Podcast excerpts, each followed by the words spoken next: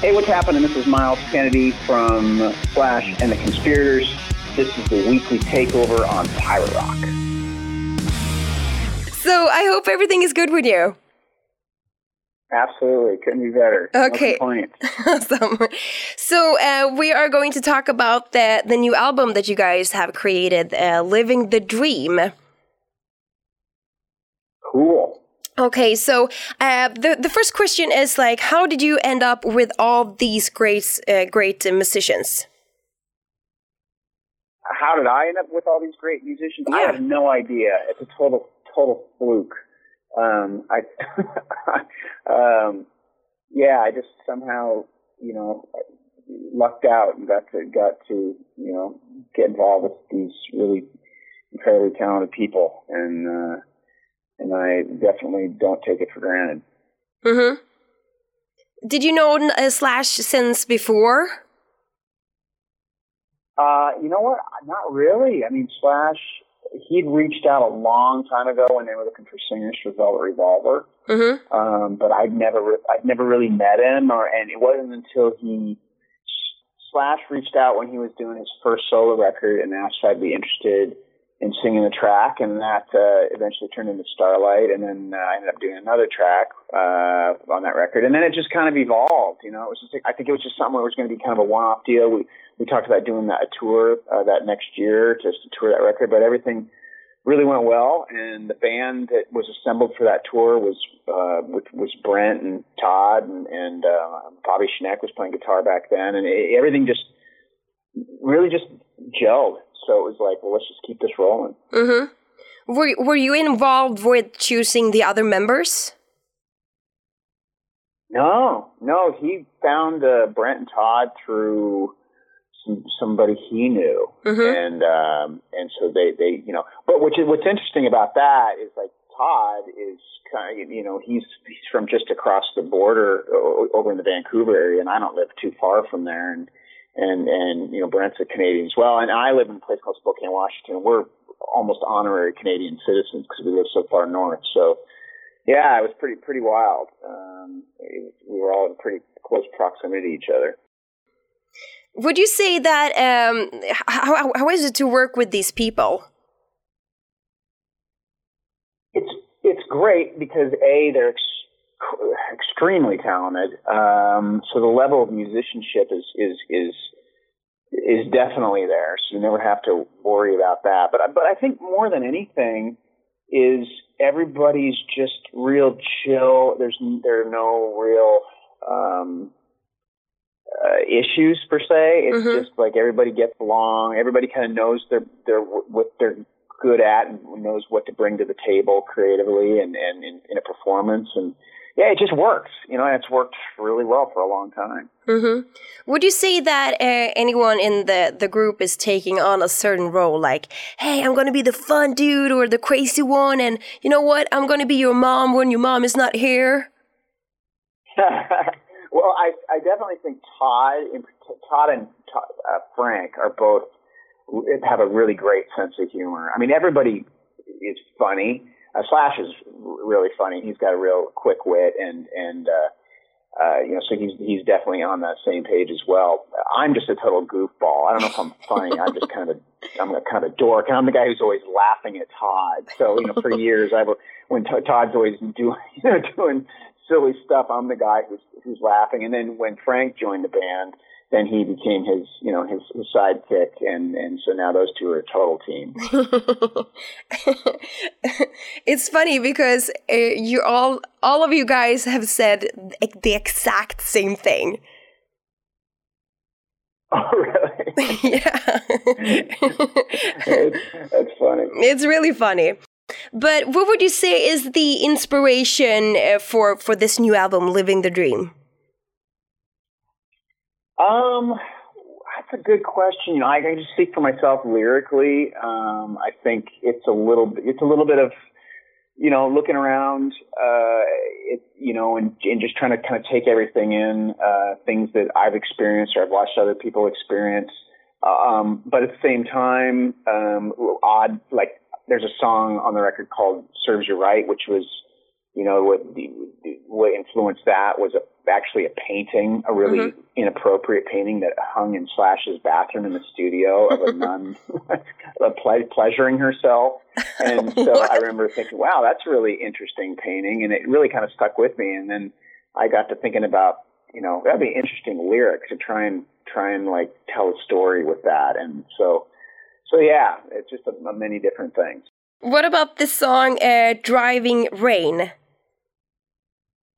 Driving Rain. Yeah, so that's a song that's it's been around for a while. That was uh, that was one of the songs. Actually, a lot of these songs had been kind of born on the road, and we toured together uh, back in 2015. And so, you know, the the, the lyric is basically about someone who works on the road. It could be a musician or you know, a traveling salesman or, or mm-hmm. whatever, uh, with this like manipulative but yet addicted girlfriend uh, or spouse who who always manages to kind of manipulate him into coming back home by you know kind of falling off the wagon and so it's kind of it's kind of a it could be it could be taken as you know it, it's pretty dark in some sense even though the song doesn't doesn't poppy core it or mm-hmm. it's it's a pretty, uh, you know, when you really break it down, kind of dark subject. It's, it's just kind of an interesting dichotomy. dichotomy, yeah. dichotomy. And uh, what about the song "The Great Pretender"? Great Pretender. I I, I like that one because the um, I like to really love Slash's guitar melody. To me, it's very kind of timeless and, and it's it's very it's very much a Slash melody when I think about it. But it's it's kind of a cautionary tale um, over choosing over like it's it, it tells a story about somebody who chose their career over true love, and and so the character in the in this is, was an entertainer who is kind of coming to terms with the fact that you know in his kind of last days of of of, of what you know being out on the road or doing whatever he does um his glory days have kind of passed him by mm-hmm. that he's kind of you know he's sacri- he's sacrificed everything for his for the love of his craft which is cool but but he's you know kind of freaking out because he's he realizes he's probably going to die a lonely old man. So once again, it's kind of kind of dark. You know? Where does all this? I mean, since you say, "Oh, this one is a dark song" and, and stuff like that, where, where do where do you get the inspiration from to write lyrics like that? Well, I, you know, it's interesting. I think I have. I, I've always had a little bit of a of a dark side. I mean, not just a little bit, but a lot of a lot of a dark, dark side um, eh, that I've been able to tap into, which is actually good because feel like it, it, you know, like that song in particular, you know, that could have been me. Yeah. You know, and, and I'm so I'm very aware of that. And I chose, you know, I've lucked out and won the essentially won the lottery and married just an amazing, wonderful woman. But you know, there was a period in my life where I was really contemplating like being that guy where I was going to choose career over family, and mm-hmm. I'm, I'm, you know, so it was there was I certainly had things to draw from, you know, in telling that story. Yeah. I mean, uh, it's going to be. I, I, was so glad to hear that you guys are coming to Sweden, so we actually could see you guys perform this live because it feels like it's a really great album. Thank you, thank you very much. They should be fun songs to play live too. I can only imagine. I mean, now I've been talking to every single member in the band, and hey, you guys are freaking awesome, every one of you. Oh, thank you, thank you very much. A, it's a fun group. It, totally, totally. Uh, so I'm actually going to uh, kick off with some some questions, uh, other questions. So are you ready? I am ready. So if you if you were to listen uh, listening to the same group for the rest of your life, which music group would that be? Oh man, that's that's a tough one. I this is gonna sound weird. Um, Steely Dan. I love, I absolutely love Steely Dan. In fact, I don't even need to any, I don't need any other records. If, as long as I have Steely Dan Aja, I'm good to go. I can listen to that for the rest of my life. I listen to it at least twice a week as it is. And you do? what is it, yeah, what is it about it, it that you really like? Um, you know, I think it's just, it's, it's very sophisticated songwriting. It's very, very smart lyrics and very, you know, harmonically, it's really smart. It's, you know, it's kind of it's got a jazz element to it, which I'm kind of a jazz geek, mm-hmm. and it's just incredible production. You know, back in the day, like if you go buy a stereo, that was the that was the that was the the um, thing they would always demo the stairs with was that record because it sonically sounded so amazing. So Mhm. yeah, that was that. It's, it's a masterpiece. Um, and if you were to be a woman for one day, what would you do? Uh, if I was to be a woman for one day, what would I do? Um, oh gosh, what would I do? I mean, there's so many inappropriate answers I could give. um, but I mean, I'd probably uh, I'd go to a you know I go to a bra store, try on bras with other ladies around me. I don't know. kind of weird and creepy. Uh, I think it was Brent who said that he wanted to be a, a stripper in Vegas. it's pretty funny. All right. Yeah, that could, That could work. That could work. yeah, why Yeah. not? Uh, and if you were to punch someone in the face, who would you punch? Oh man, I'm a lover, not a fighter. I don't know. I I, I couldn't punch anybody. I have nobody I want to punch. I, I I have no animosity. No no animosity. No one at all. Good. It's all goodness. You always go to politicians. Well, we get on that. tr- Yeah. Well, that's a different story. But I I'll keep it positive. Okay. it's a polarized, crazy world we live in. I I can tell you that much. Yeah, totally. So, if you were to live in some kind of TV series, what TV series would you live in and why?